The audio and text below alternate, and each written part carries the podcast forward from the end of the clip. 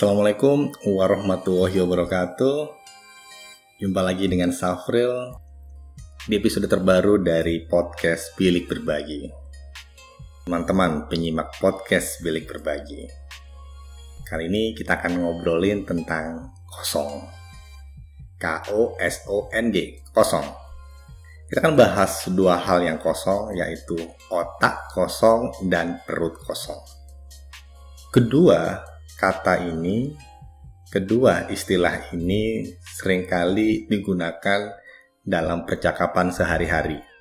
Jadi ini bukan kalimat atau kata atau istilah yang jarang kita gunakan.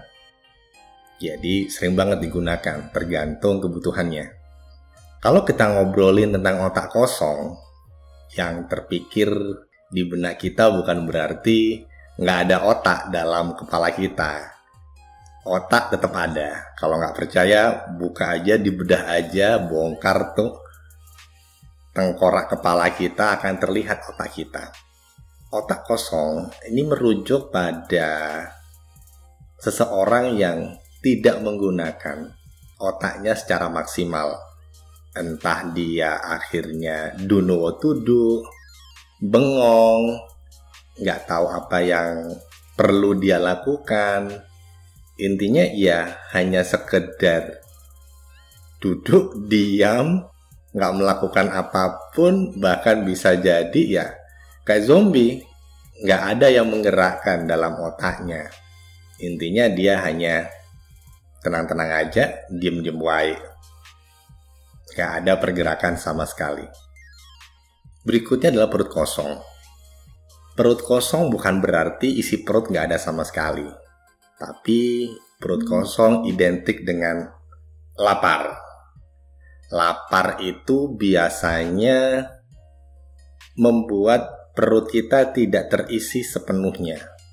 Sehingga yang terjadi kalau lapar alias perut kosong adalah nyeri di perut, kemudian sakit perut, bisa jadi mual kalau tambah parah asam lambung naik dan penyakit-penyakit perut yang lain karena tidak terisi oleh makanan ataupun minuman yang memadai yang mencukupi. Nah, kalau teman-teman saya minta untuk memilih mana yang teman-teman akan pilih, punya otak kosong tapi perut penuh atau otak penuh tapi perut kosong. Tentu jangan pilih yang otak kosong dan perut kosong ya, itu udah wis nggak masuk dalam pilihan kita. Tapi mana yang dipilih? Otak kosong perut penuh atau otak penuh perut kosong? Gini teman-teman, ini pasti asumsi ya, namanya juga podcast, ini pasti pendapat pribadi. Yang sering kali saya lihat, otak kosong tapi perut penuh, itu masih lebih mending daripada otak penuh tapi perut kosong. Kenapa? Karena perut yang penuh itu membuat kita kenyang, kita bahagia, kita happy, sehingga otak yang awal mulanya kosong, tapi karena ada asupan makanan dan minuman, bahan-bahan yang bergizi insya Allah dari makanan dan minuman yang memenuhi perut kita sehingga tidak kosong lagi, itu membuat otak kita bisa kembali terisi penuh dengan hal-hal yang insya Allah positif.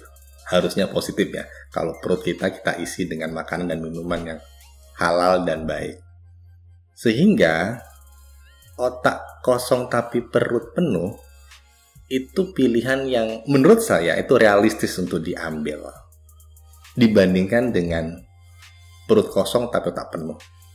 Karena sering kali kejahatan itu dimulai dari perut yang kosong tapi otak penuh otak penuh tapi perut kosong ini biasanya terjadi pada saudara-saudara kita yang terpaksa melakukan sebuah kejahatan yang dia tidak inginkan untuk memenuhi perutnya. Jadi, otak kreatifnya akan menuntun dia untuk mencari cara beberapa cara yang nggak benar, yang haram, agar perutnya terpenuhi agar perut anak dan istrinya terpenuhi. Itu konsekuensi dari perut kosong. Itulah kenapa kita sebagai orang dewasa, orang yang sudah punya tanggung jawab secara usia dan secara memang kita dituntut untuk dewasa sesuai dengan peranan kita. Kita perlu memastikan bahwa anak istri kita, keluarga-keluarga kita yang menjadi tanggungan kita terpenuhi secara perutnya dulu. Karena perut yang penuh, perut yang kenyang, perut yang merasa bahagia karena ada isinya, yang pastinya makanan dan minuman yang bergizi halal dan baik, ini akan membuat otak itu terisi dengan hal-hal yang positif.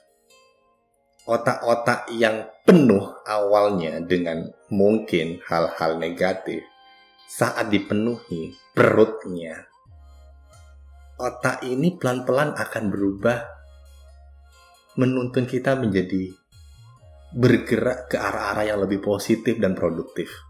Otak kita akan berpikir bagaimana meningkatkan omset bisnis kita, bagaimana kita belajar lagi untuk peningkatan karir kita, dan lain-lain. Sehingga, kalau saya diminta, mana yang perlu saya pilih? Otak kosong tapi perut penuh atau otak penuh tapi perut kosong? Jujur li, saya lebih pilih otak penuh dan perut penuh.